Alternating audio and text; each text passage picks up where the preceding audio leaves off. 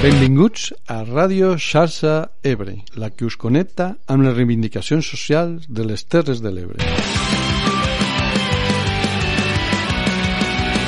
Aquí estem de nou per tratar tot el que ens preocupa amb la gent que se n'ocupa.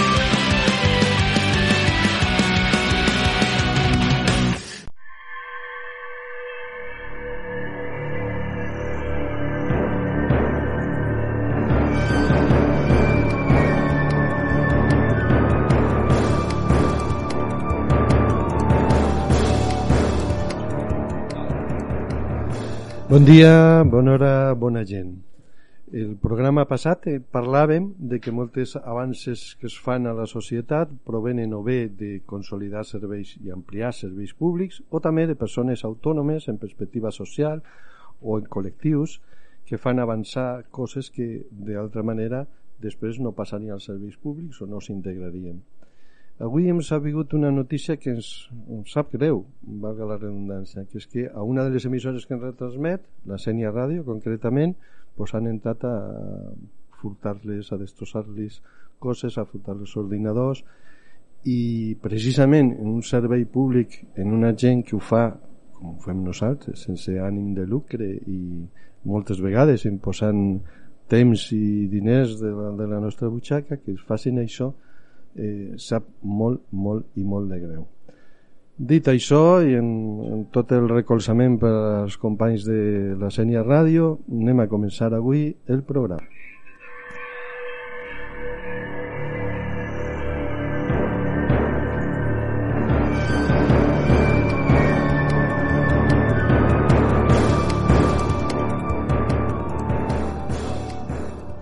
En aquest programa hem parlat moltes vegades de la joventut i han parlat gent una mica eh, jove, podríem dir, voltant dels 30 anys, i gent no tan jove, com que us parla precisament. Però pensem, i ho hem dit, que haurien de parlar els propis joves. Què pensen ells? Què és el que volen? Què és el que necessiten? Què és el que critiquen? I per això avui en tenim tres joves a la nostra taula. Eh, anem a presentar-vos Primer tenim a Sofia Garrido, ella és eh, venezolana, fa sis anys que va vindre, eh, viu a Aldecona, estudia segon de batxillerat. Benvinguda, Sofia. Moltes gràcies. Gràcies per estar aquí. També tenim a Pep Rodríguez, eh, ell és de Camarles, eh, estudia el batxillerat internacional, també va al conservatori. Benvingut, Pep. Gràcies per venir també. Gràcies a vosaltres per invitar-me al programa i bueno, ells dos tenen 17 anys. I la tercera, que ja la coneixeu perquè ja ha vingut a més programes un comentarista nostra, és Amira Grigoriu que també té la mateixa edat 17 anys, benvinguda a tu també Amira. Moltes bon... gràcies. Bé, eh, anem a conèixer-vos una mica més. Eh, Sofia, començarem per tu.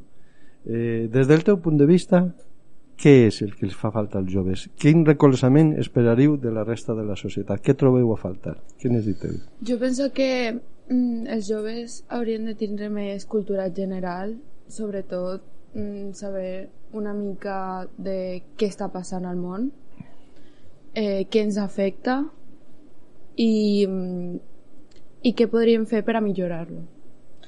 Eh, per exemple, eh, les xarxes socials podríem utilitzar-les sobretot per a donar a conèixer eh, temes importants com són la xenofòbia, com són el racisme i temes que ens afecta. Uh -huh. Pep, tu com ho veus?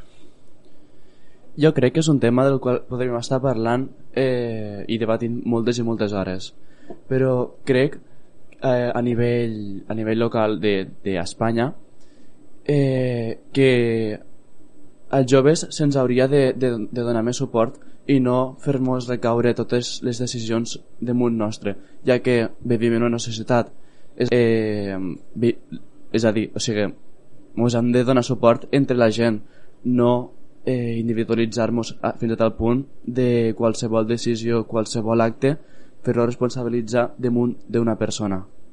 Quan te refereixes a responsabilitzar d'actes, eh, podries posar algun exemple de tipus d'acte que tu sentes que no hi ha prou recolzament de decisions que heu de prendre? Per, per exemple, eh, ara a la nostra edat, això de batxillerat se'ns presenta que, que estudiar i d'això ve, ve, de la, ve de la mà eh, notes de tall eh, on anar a estudiar.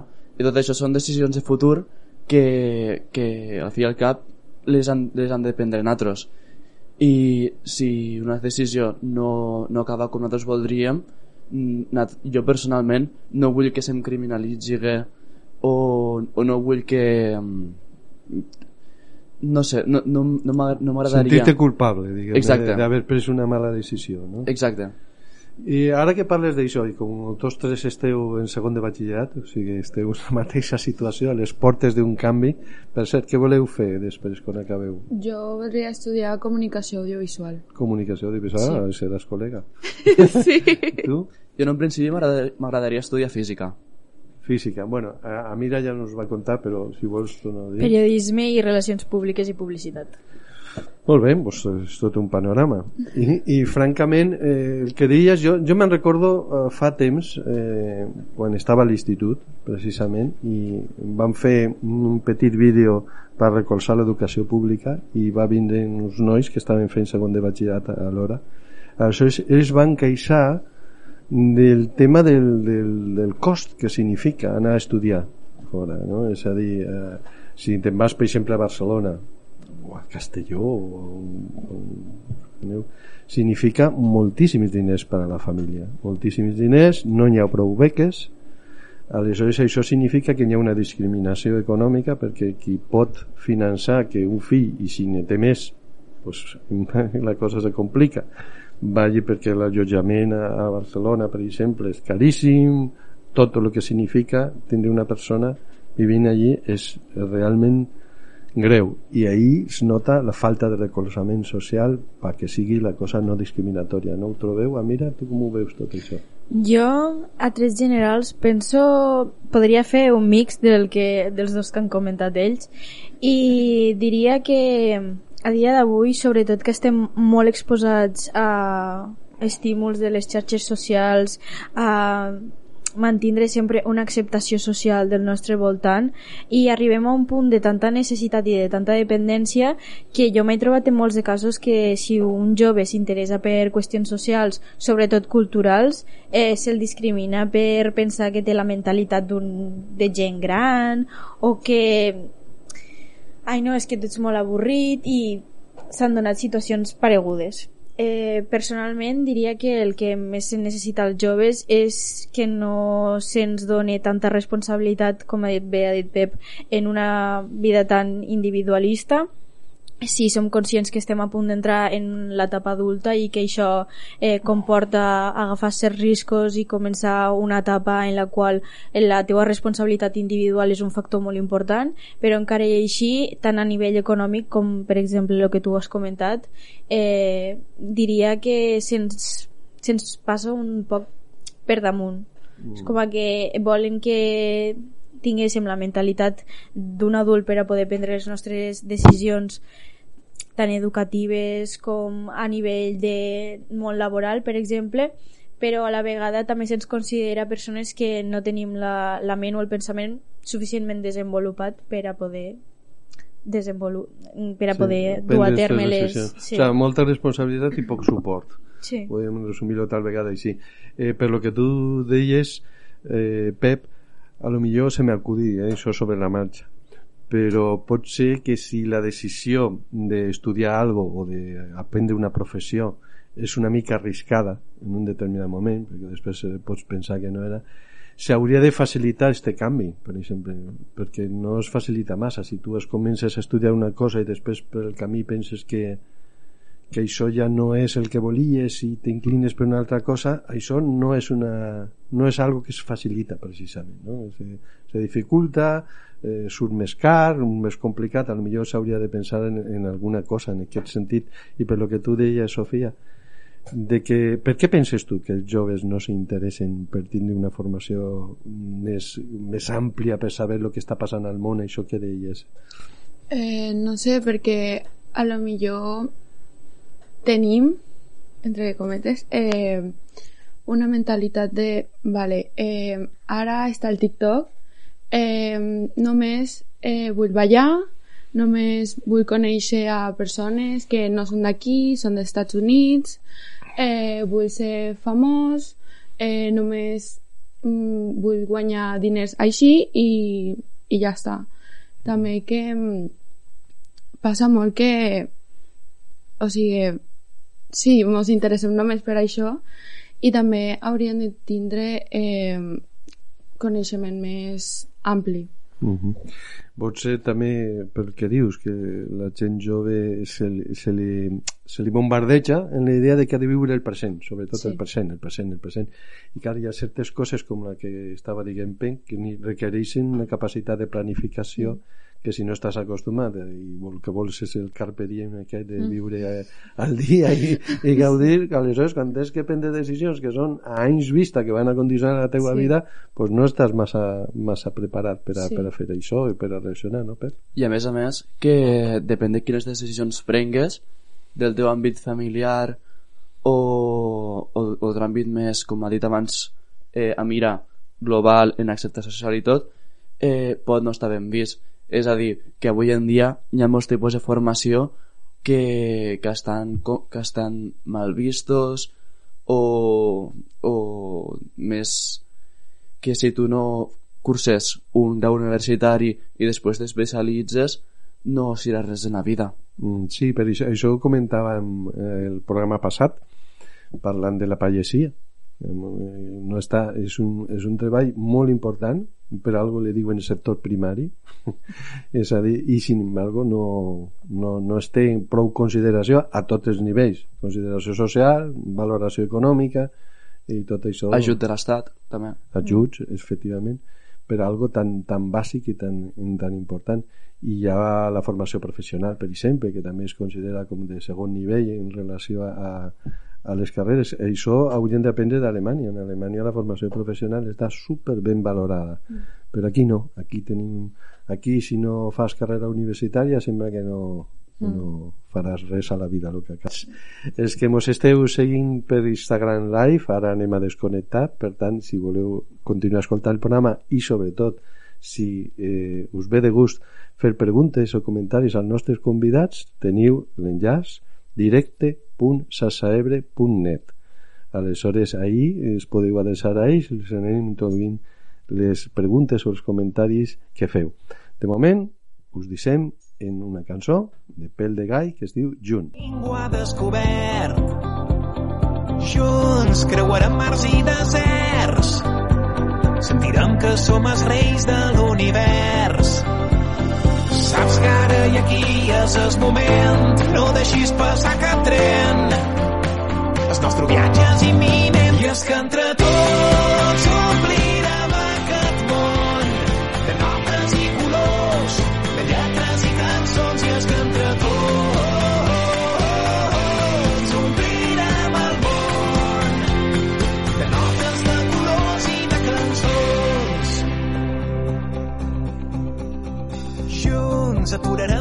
els pas dels temps i viurem aquesta nit eternament. Junts mos perdrem entre sa gent. Serem estrelles en el firmament. Saps que ara i aquí és el moment. No deixis passar cap tren. El nostre viatge és imminent i és que entre tots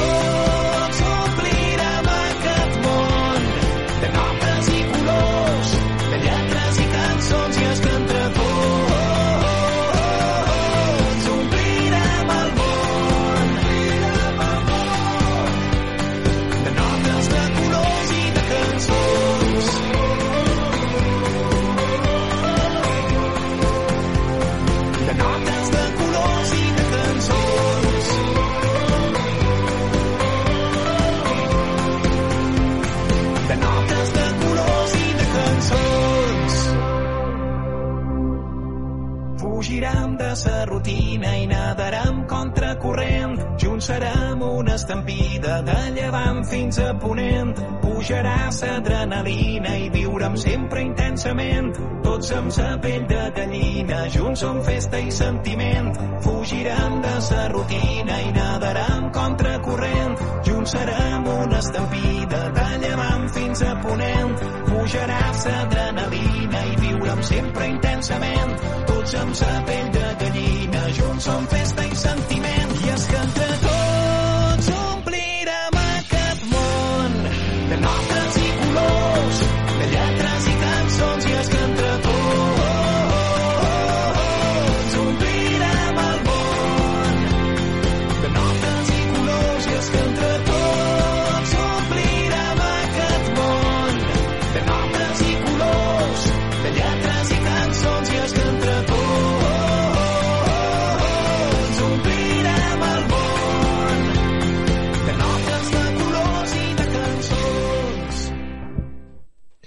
Entre tots omplirem el món, aquest món, de notes i colors. Això ens cantava en pèl de gall i en això anem a començar la conversa d'avui. Eh, també voldria recordar una cosa que va dir eh, Rubén Prades, convidat del programa anterior, un noi de 28 anys que es dedica a la pagesia i forma part de la cooperativa Terran. És una d'aquestes persones que diem en perspectiva social i parlant dels joves, del problema de relleu generacional que tenen a la pagesia, de la poca consideració, que ja n'hem parlat una mica, que tenen alguns treballs, en particular el, el de pagès, eh, veiem que, que, els, que s'interessa als joves, per què no s'apunten a, a aquest tipus de feines? Es va dir això. La gent, els joves d'avui en dia volen ser youtubers. Ja. Volen estar detrás del mòbil, anar cobrant, anar gravant, anar viatjant, anar cobrant, i això és el que volen. Què penseu? Us defenseu d'això o penseu que és veritat? Pep, tu com ho veus?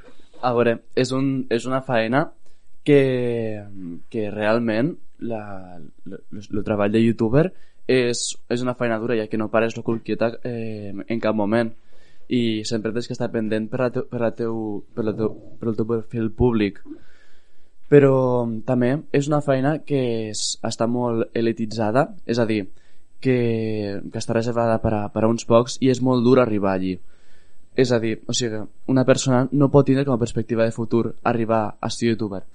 Pot sonar la campana i, i, i donar-se el cas de que pugui ser-ho, però eh, la, la gent té que, també té que tindre present les seves possibilitats i el seu, el seu context social eh, en lo, quan ha de mirar cap al futur. Uh -huh. Ah, mira? A veure, eh, estic d'acord amb Pep. Clar, eh, la feina de youtuber en si o de ser cara pública socialment, eh, tenint en compte que és un referent per a una gran quantitat de jovens, bueno, diria més, més joves que els joves, però eh, té una gran quantitat d'influència, la qual, segons com la mires, és molt perillosa, és una responsabilitat difícil d'aguantar i de saber com racionalitzar-la o per quin camí portar-la.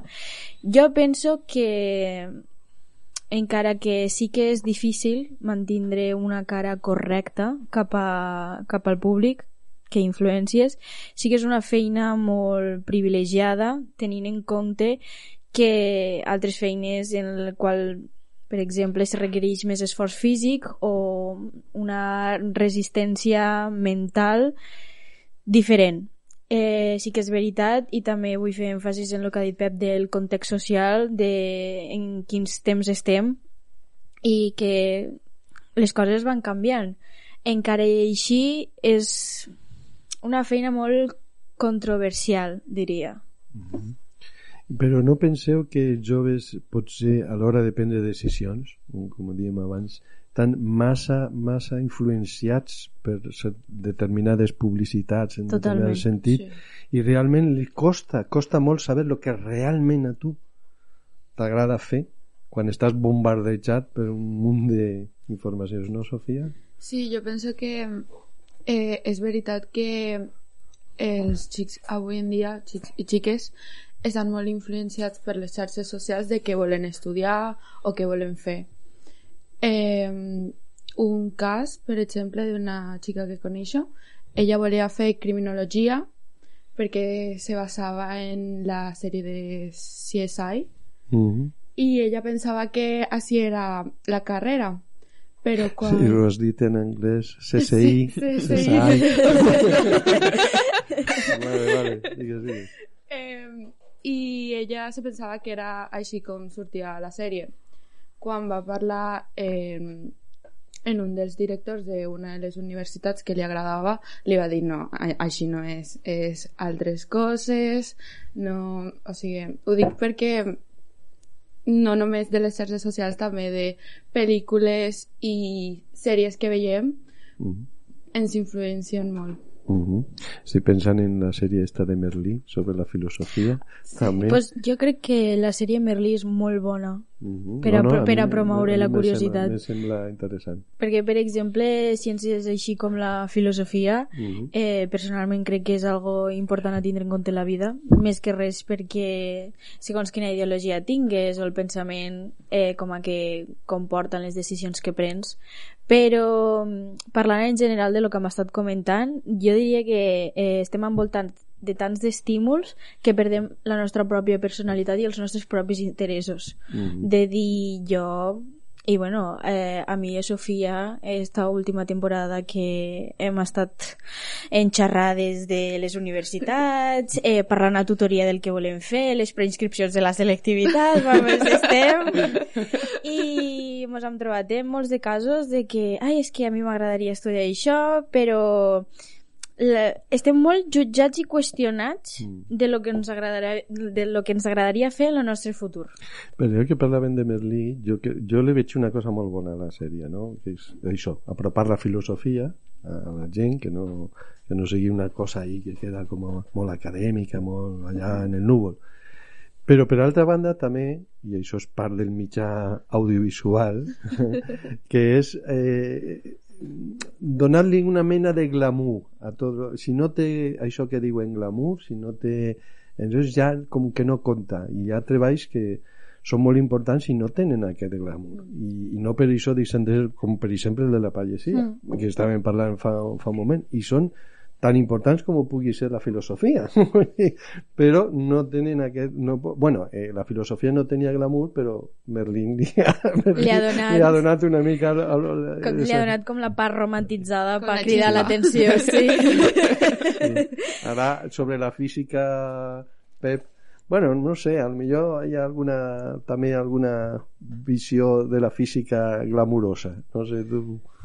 Eh, la física, eh, entre moltes altres carreres de ciències, eh, avui en dia les notes de tall estan infladíssimes. O sigui, crec que la societat avui en dia té una, té una visió de, de carreres de ciències, medicina, que, que vale, són, són eh, àmbits de- d'estudi necessàries, però no es tenen, no- però després hi ha altres àmbits com de humanitats, filologies, que estan super desprestigiades i també és necessari. Eh, I jo últimament, eh, parlant amb professors, eh, estem veient que no hi ha, no hi ha professors, o sigui, eh, al, al meu institut eh, hi ha diversos professors, de, per exemple, de filosofia que estan de baixa i no, i no hi ha substituts. És a dir, està allà, està allà un problema estructural molt fort. No, hi ha molta gent que no es vol dedicar a la docència perquè són feines que, que avui en dia estan molt desprestigiades des de molts de, eh, àmbits de comunicacions, eh, notícies i tot això se desprestigian eh, treballs d'aquest estil com per exemple també en la, en la pagesia i crec que és un enfocament que té la societat que s'hauria de canviar Totalment d'acord. Bueno, eh, ja tenim unes quantes preguntes al chat. Tenim unes quantes preguntes. Normalment comencem una mica més tard a, a passar-vos ja les preguntes per a deixar que hi hagi uns moments de conversa com els que hem tingut, però veient com es nota no? que, que hi ha gent jove avui a, a l'estudi, hi ha, hi ha més intervencions pel xat. Eh, quasi que anem a posar la, la falca, Juan Carlos, anem a posar la falca i així ja comencem a passar-vos les preguntes.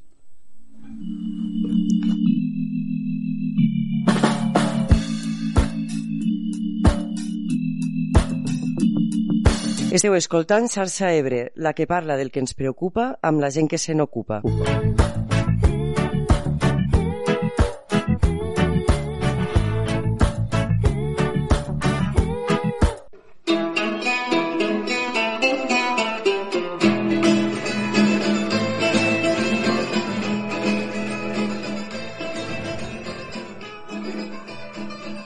Bé, les dues primeres preguntes ens introdueixen en un tema una mica diferent del que veníem parlant i la veritat és que tenint en compte el que acaba de passar la notícia este de, de les noies argentines que a Sallent s'han tirat i una d'elles ha mort que era més una persona que, que volia canviar de sexe i tot això i que patia bullying precisament la pregunta va sobre el bullying. Eh, es parlen d'aquestes situacions. Què en penseu respecte a aquest problema, Sofia? Jo penso que mm, el bullying està molt... O sigui, està a tot arreu i que no només és físic, o sigui, fan bullying, sí, físic, però també és psicològic. Eh, només dir a una persona que està grossa o que no m'agrada com parles perquè no tens el mateix accent que jo, per exemple, eh, pot fer molt mal. Mm -hmm. Pep, voldries afegir alguna cosa? Jo, jo personalment, eh, en el meu àmbit més de, de la infància, eh, n'he patit. I la veritat és que mm, hi ha moltes visions de d'aquest tipus de problemes que no es tenen que, que es tenen com a, com a que són, són crios, deixem-los estar, no és important. I, i tu veient com, com, pas, com passen olímpicament del teu, del teu problema o des de, des de la, la direcció d'un col·legi o des de altres àmbits eh, no es fa res per a poder solucionar aquest problema o per a fer que tu estigues millor fa molt de mal. Uh -huh. Esta és una reclamació que feu, per tant, a les autoritats, a la direcció dels centres, però ara ve una reclamació que fan cap a vosaltres. A veure com us defenseu d'aquesta. Diu, um, hi ha un, un oient o una oient que diu me fan gràcia els joves perquè realitzen moltes vagues per conflictes educatius, fan vaga, sí, una vaga que no van al centre educatiu, es queden a casa i no es manifesten. A mira... A veure, jo aquí... a veure, jo com a, sobretot, portaveu de, del grup de dones feminista del poble, he estat des de fa anys a totes les manifestacions possibles, ja sigui del 25N com del 8M, i altres manifestacions que no tenen una data concreta però igualment necessàries. Sí, hi ha molts de casos, sobretot que els alumnes utilitzen vagues per a poder saltar-se classes perquè així és lo guai i així és el que se porta, però jo crec que això ve donat de problemes de mala influència, sobretot perquè la majoria de joves no se senten còmodes o suficientment atrets dins d'una aula, perquè la majoria se senten mm, recriminats o que l'educació actualment és més una obligació social que no un interès personal i jo crec que el comentari que ha fet bueno, el comentari que s'ha fet és en trets molt generals, n'hi ha casos i casos. En el nostre cas, sobretot al nostre institut, eh, hem intentat participar tant jo i Sofia, per exemple, a la majoria de vagues estan en la situació de batxillerat, no les han fet i hem estat a classe i encara així han participat en discursos, en actes, manifestacions. en manifestacions, en actes que han fet en altres mestres i ajudant i diria que entenc el seu punt de vista però crec que està massa radicalitzat. Pep? Eh, jo personalment estic en contra de, de, de les vagues d'estudiants, de, ja que són vagues no productives, estem baix de tot de, de, de, de l'escala social, per així dir-ho. És a dir, nosaltres, si no anem al col·le, no, no perjudiquem a ningú. De fet, ens perjudiquem, mos perjudiquem a nosaltres mateixos. I, I, per tant, si es vol fer vaga a nivell d'estudiant, que sigui una vaga productiva, que es vagi a manifestacions, que, com ha dit Amira, eh, participar en actes, xerrades...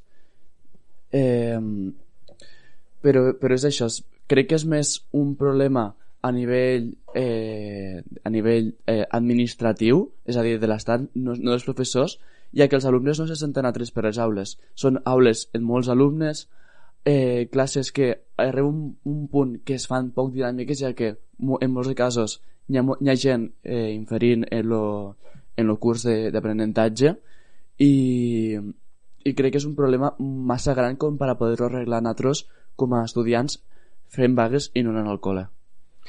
Sofia, alguna matisació que vulguis fer?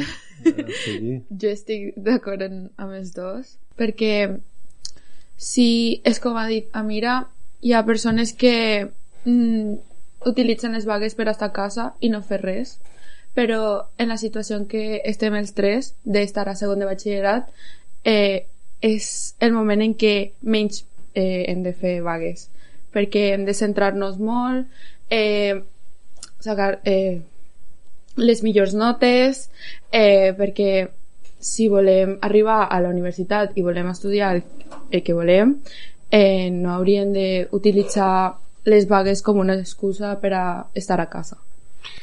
Vale. Bueno, aquí van arribant les preguntes i clar, com les preguntes arriben en l'ordre que arriben, a vegades ens obliguen a saltar cap enrere o cap endavant altres temes, encara que intento introduir-lo perquè hi hagi fluidesa en el moment que toca. Però, per exemple, ara eh, hi ha un parell de preguntes que fan referència a unes coses que ja han comentat, però les, torno, les dic perquè tinguin ressò, que la persona els ha posat, les persones han posat.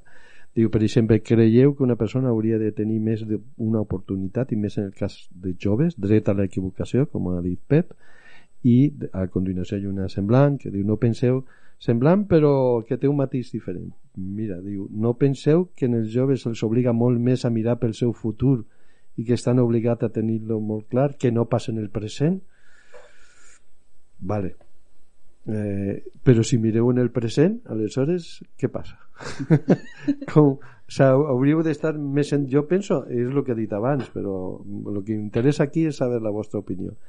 Jo penso que de vegades eh, el ritme mm, de, de la vida moderna diguem-ne eh, porta a, a realment mm, sobretot als joves a pensar més que res en el present precisament i de vegades quan, quan has de prendre decisions cap al futur pues, com ho deia abans, no estàs prou preparat sin embargo esta persona pensa que, que obligar-los a pensar en el futur eh, i prendre decisions de llarga durada no seria convenient aleshores què fem? com ho veieu vosaltres que sou directament interessats? Qui s'en- qui s'engresca dels tres? Amira? A veure, en la meva situació personal, perquè és de la millor situació que puc parlar, eh, sóc una persona que per certa ansietat m'agrada tindre-ho tot molt controlat i tinc el pensament molt més al futur que no en el present. Però jo diria que nosaltres, com a, com a joves, com a futurs estudiants universitaris, tenim el pensament més cap al futur perquè estem preocupats de quina manera ens afectarà la nostra vida personal, però se ens obliga a viure l'adolescència present. Bueno, se'ns obliga és una paraula que no m'ha acabat d'agradar, però se'ns diu, sou molt joves encara, no ho penseu tant, disfruteu de la vostra edat, però per l'altra part també se ens recrimina que no estiguéssim al dia en els estudis, que no traguéssim les notes que necessitem, després ve la nota de tall, la selectivitat, i és un cúmul, una llista tan gran que a mi, sincerament, m'és impossible no pensar en el futur. Això són unes assetjades una mica contradictòries, no? Per una Sí. banda i per l'altra. Eh? Estic totalment d'acord en Amira. Eh, jo crec que hi ha moments i moments de la vida per, a, per enfocar-te en, en, certs, o sigui, en certes visions, ja siguen de present com, com de futur. Eh, tu, en esta, en esta edat, necessites eh, realitzar una, una, una, una introspecció molt potent per a realment saber què vols fer en el teu futur. Una introspecció que, mm, depèn de la maduresa que pugui tindre una persona, pots, moltes vegades no, no és possible. Llavors, crec que com a, que com a joves se mos obliga a prendre una decisió ara i no, una decisió que en molts de casos no estem preparats per a prendre. Jo personalment eh, ja, he, ja he tingut molt clar des de sempre a què em volia dedicar, a què me volia dedicar però conec molts de casos que estan ara segon de batxillerat encara no sap a què, a què es vol dedicar la seva vida i, és, i ho veig molt normal Jo, jo crec que és una, una conseqüència de que en aquesta societat es valora molt més ser superespecialitzat en algun tema. Aleshores, si tu has de ser superespecialitzat en algun tema, has de començar molt aviat a especialitzar-te per poder arribar, diguem a la cresta de la ola i guanyar molts diners, molt, tenir molt prestigi social. Potser seria més raonable que la cosa anés més progressivament, o sigui que tu, per exemple, per dir, ja que estem parlant tu ara en aquest moment, eh, física, bueno, tu tens molt clar, però potser una altra persona no té molt clar que vol fer físiques, però sí que vol fer algo de ciències. Doncs podria haver un primer curs comú, diguem-ne, perquè després eh, donar una retrospectiva de totes les una perspectiva de totes les ciències per a poquet a poquet anar perfilant, no? I, i no tan d'entrada ja passar a l'especialització. No ho sé. Jo voldria també introduir un tema que abans comentava, abans de, del programa, sí, o de rècord que es diu, que eh, me, va, me va cridar molt l'atenció, que escoltava un neuropsicòleg que deia allò de que nosaltres tenim un cervell emocional que reacciona molt ràpid perquè per evolució, ja que és el més antic, ens convenia reaccionar als perills molt ràpidament i un cervell més racional que va més lento. Va, I aleshores, si la vida eh, té un ritme, si se li aplica un ritme molt ràpid, al final afloren les qüestions de tipus emocional, com passa moltes vegades als xarxes socials, i no se dona temps per a pensar, per aquesta introspecció de la que parlava Pep.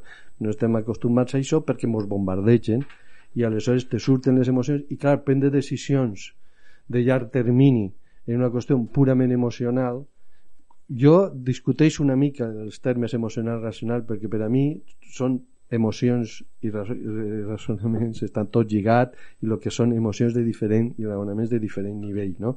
però s'entén el que volia dir aquest home no sé si esteu d'acord, tu com ho veus Sofia? Jo eh, personalment sento que a lo millor els pares sempre pensen de, vale, si vols estudiar algo que tingui un futur que guanyes molts de diners però jo també sento que, vale, puc guanyar diners, però també vull estudiar algo que m'agrade, perquè si faré això tota la meva vida, mm, hauria de mm, tindre eh, facilitat... Eh, sí, tindre... Gaudir del que fas. Sí, exacte. I no sé, eh, se, jo m'he anat més per emocions, perquè m'agrada molt, i perquè és algo que m'agradaria experimentar. Mm. Que si guanyo molt de diners o no, això ja, ja no sabria, a lo millor sí o a lo millor no.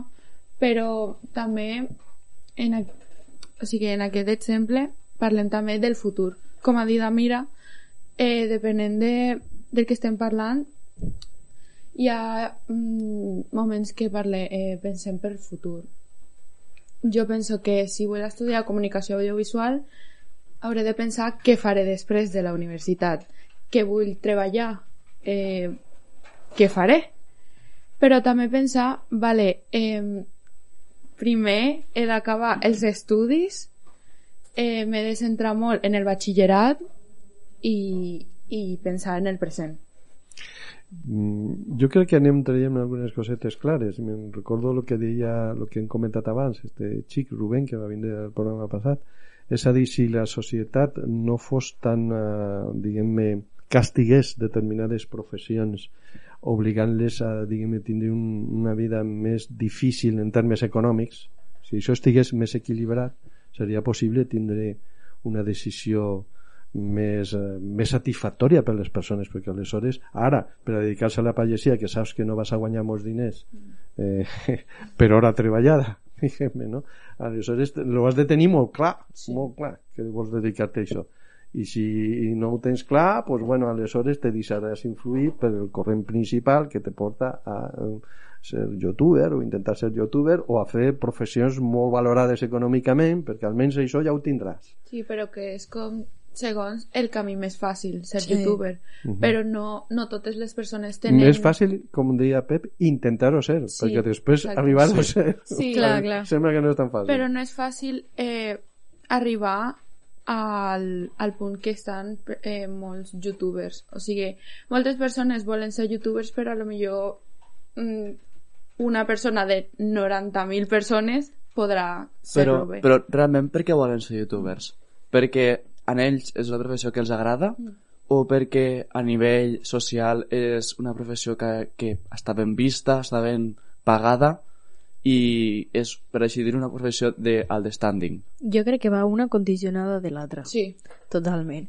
Perquè al veure que hi ha tant de... aconsegueixes tant nivell o sigui, d'influència social més els diners que pots arribar a obtenir de manera molt fàcil lí- líquid, fàcil, senzill en un moment i això qüestiona que en el teu pensament eh, sí, hi haurà casos que mantenen una passió inqüestionable, però una desencadena l'altra. Si tens diners i tens influència social, òbviament això és un equivalent a que personalment t'agradarà.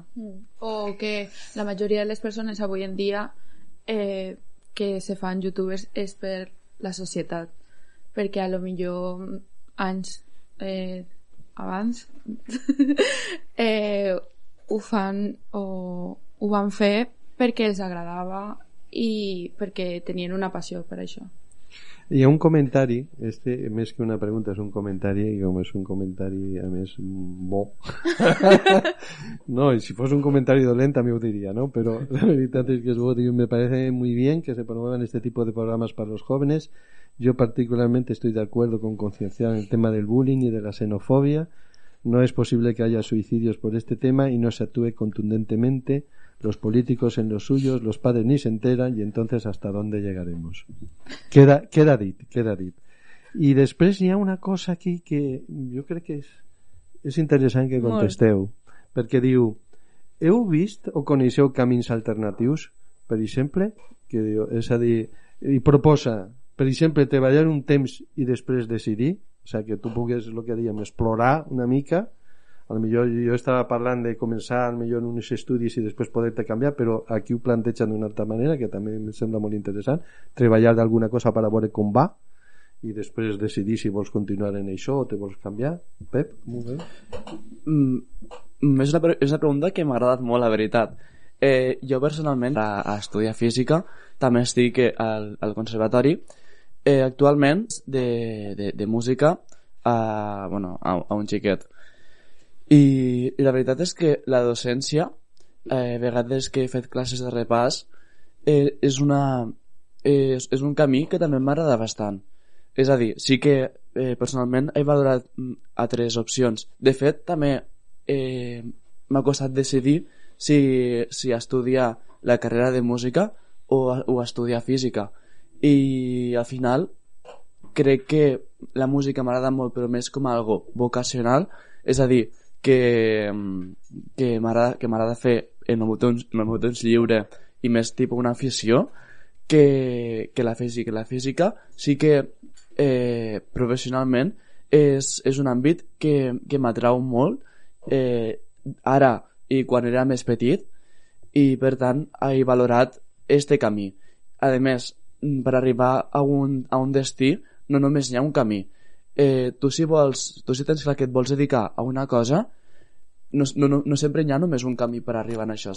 Ara mateix les notes de tall de física estan, estan molt altes i en el cas de que no, no, no em dones la nota com és el cas de, de molta gent que es vol dedicar a alguna cosa i no li acaba donant la nota hi ha altres camins com accedir a través d'una formació professional eh, entrar a una carrera que, que tingui assignatures complementàries i després canviar de, de, de, de carrera hi ha molts de camins si tu tens clar el destí però el problema és tindre clar, clar el destí i tindre més opcions Tu, tu parles sobretot d'estudis, el que, o la que ens feia aquesta pregunta enfocava també des del punt de vista del món laboral. No? Mira, treballar una mica eh, per exemple, si tu vols fer, te vols professionalitzar en un ofici, en un que sigui, i, i diguis, bueno, però tinc una idea que a lo millor és, no és massa realista de, de com és aquesta feina, tindre l'oportunitat d'apropar-me ahí i fer,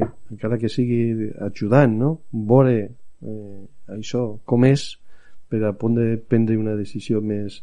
O, senzillament, si estic eh, decidint, a lo millor, si vull fer... Jo me'n recordo, precisament, jo tinc una filla que no sabia molt bé què fer eh, quan va acabar el seu batxillerat i aleshores eh, se li va plantejar per exemple que si fer biologia que si fisioteràpia, que si infermeria. Al final van anar fent, el que van fer és anar a conèixer a un infermer que li, li va acompanyar, que li va explicar com era la feina, un fisioterapeuta, un biòleg... O sigui, tindre aquesta oportunitat per a de conèixer de prop els treballs a lo millor seria com planteja la persona estar un temps, però si no almenys poder dialogar amb gent que fa esta feina abans de decidir-te ah, mira doncs. Jo crec que este és un punt de vista molt interessant i que ens ajudaria molt, però que desgraciadament està molt poc presentat i promocionat, perquè en el cas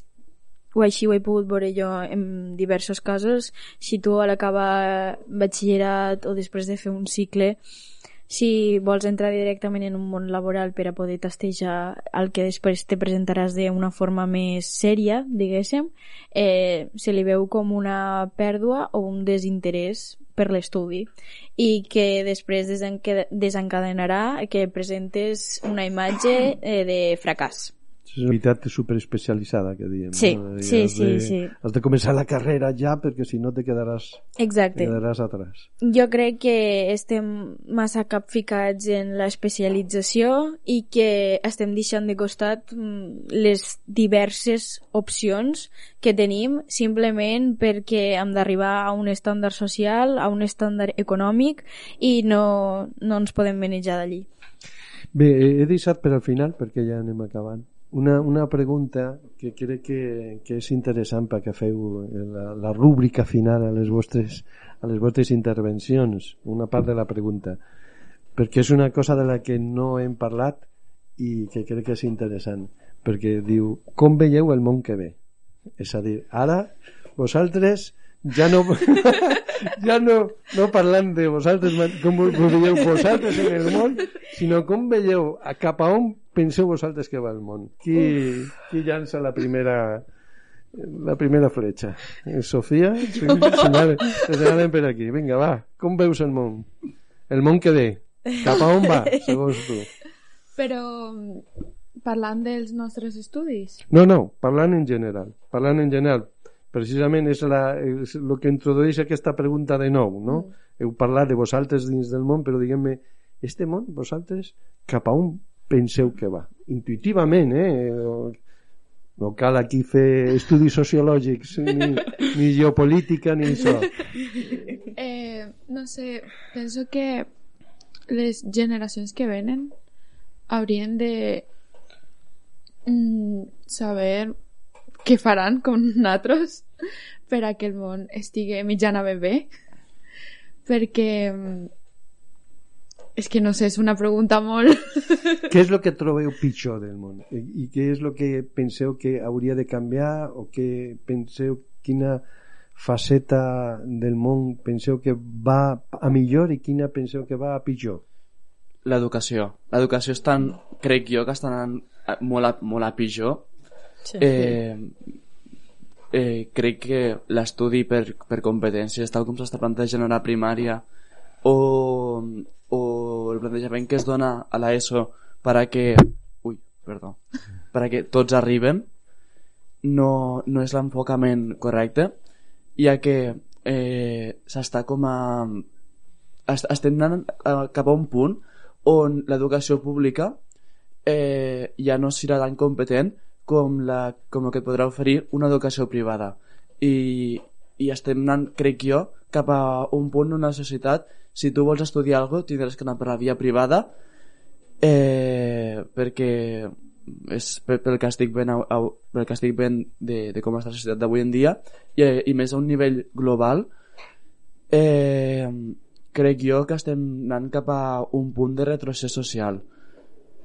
Eh, és trist admetre-ho i trist pensar-ho però crec que és així ara eh, si em permets fer abocat del diable una mica eh, perquè trobo que és una mica contradictori que diguem que no volem introduir els joves en una competitivitat diguem molt elevada des de ben petits no? perquè puguin treure un, una professió, un ofici que els doni diners, que tingui prestigi social i tot això i després pensem que, que diguem-ne l'educació en el món privat que va en aquesta línia és, serà més favorable que la pública.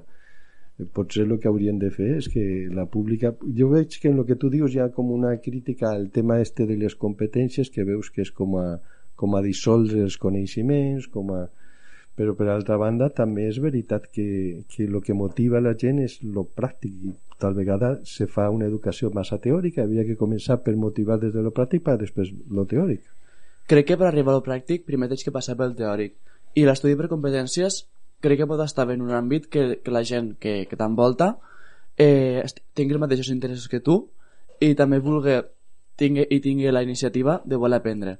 Però eh, crec que és un, un moment massa, massa pronte per a introduir este tipus de- de- d'ensenyament ja que en esta edat ningú té el pensament crític necessari com per a poder eh, aprofitar este tipus d'ensenyament. Passa que tu, Pep, mm, estàs demostrant i a més en el que has, lo que has decidit estudiar confirmes que ets una persona amb una capacitat pel raonament teòric bastant elevada. Ara pensa que, per exemple, l'educació pública s'ha d'adreçar a tot tipus de persones i a moltes persones li costa molt arribar a aquest nivell d'abstracció i la manera d'aconseguir, si vols arribar a tots, que aquestes persones s'interessen és a través d'anar al seu món, agafar exemples pràctics de lo que ocorreix en el seu món i a partir d'ahí generar l'interès per lo teòric. Bueno, mm, què penseu els altres? Vale, una cosa és, és el que has dit tu, d'agafar el pràctic per a poder... O sigui, que s'eduque d'una manera més dinàmica per arribar de més fàcil dins del nostre pensament i de la nostra educació. Però eh, l'ensenyament pràctic que presenta el sistema educatiu actual no té res a veure en això. Simplement el que fa l'Estat és presentar eh, un, certes competències o certes matèries dins de l'escola, sobretot ho han vist en el nou canvi del currículum, per a, a, a, a contentar les nostres, les nostres demandes d'una manera indirecta però que no, no, no, no mos donen solucions al que, als problemes que nosaltres tenim. Per exemple, ara en el nou currículum se, se, hi ha un gran ventall eh, molt ampli de diverses optatives dirigides a art, dirigides a ciència, però ho fan per a que els estudiants siguen...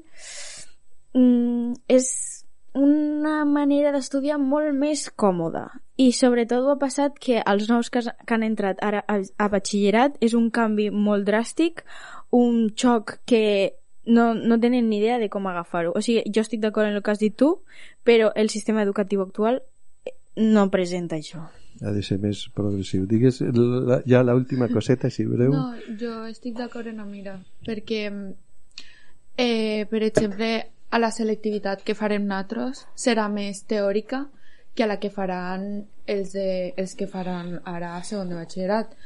Eh, mm, sento que nosaltres tenim més la teoria i farem la pràctica i ells tenen més la pràctica que la teoria. I jo sento que haurien de saber les dos. O sigui, per a ells ha sigut més pràctic tot, totes les optatives són molt pràctiques, però també sento que haurien de saber més enllà. D'acord, bueno, eh, estem arribant al final, però hi ha una última pregunteta que voldria que contestéssiu en 20 segons cada un, si voleu, perquè, clar, eh, em sembla greu deixar-la sense resposta, perquè vos diuen què penseu del canvi climàtic? Us, us agòbia? Quins sentiments desperta? La crisi ecològica? Clar, dir això en 20 segons és, és difícil, però si algú s'anima a dir què penseu del canvi climàtic? Que acabarem en un món on la natura ja no existirà És, ver és veritat. Eh, és algo que personalment me preocupa bastant, ja que mm, és, mm, o sigui, és pensar on viurem i, i, i, no, i és algo que, que a mi personalment m'agòbia. No, no, no és un tema que es pugui tractar en 20 segons, però, però, és, però crec, crec, crec jo que és un tema preocupant. Molt bé, Molt. Sofia. No, estic d'acord en els dos. Molt bé. Doncs pues bueno, dit això, eh, estem arribant al final. Ara us deixem una miqueta de musiqueta en un ver i de mar, una cançó que es diu Joventut, i després tornem per a fer el comiat i dir-vos de què anirà el proper programa i algunes informacions. Desaparèixer junts a una platja perduda d'esperança venguda alegres transeunts amb despreocupació donar-nos un morreo i si mos criden l'atenció ballarem un copeu mig d'esbós escapar-nos amb mobilet al poble més proper que estigui de festa o colar-nos un cabaret a París i fer sa cesta un banc de vora escena. Ara que res mos frena, tatuar-nos sa pell morena, una terra exòtica. Enamorats un dia grec, on penalitza Noruega per sa aurora boreal. I cada dia el mateix final, ballant de baix la lluna. Joventut, maleït tresor, te'n vas per no tornar. Quan vull plorar, no plor, i a vegades plor, sense desitjar-ho.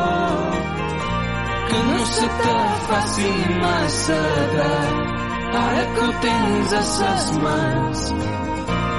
Ara que tenim l'oportunitat.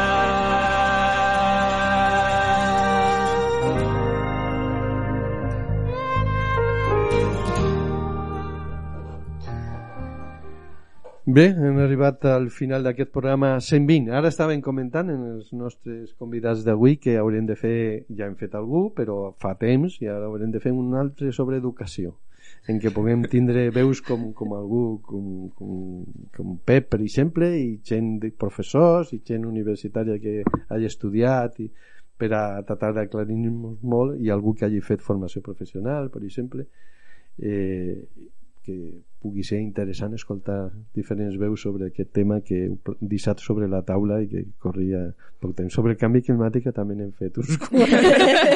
Això és un tema que ahí està. Bé, eh, agrair a, a Sofía Garrido i a Pep eh, Rodríguez tinc per aquí apuntat eh, l'haver participat a la gent, a la molta gent que heu posat preguntes pel xat també us ho agraïm a les emissores que ens retransmiteu no diré ara tota la llista però ja mos la coneixeu. A més si entreu a sasaebre.net allí teniu els horaris de retransmissió.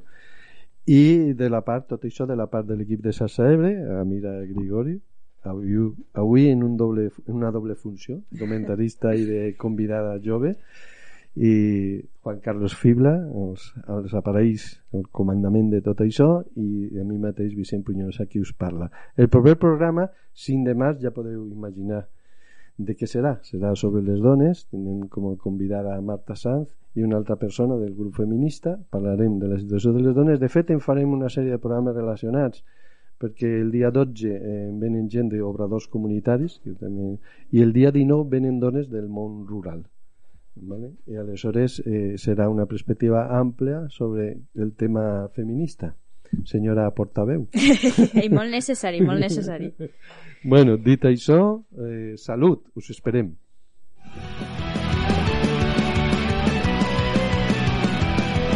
T'esperem a la propera emissió de Xarxa Ebre. Ens trobaràs al WordPress, al Gmail, Facebook, Twitter i a l'iVox. Sempre amb aquesta etiqueta, Xarxa Ebre.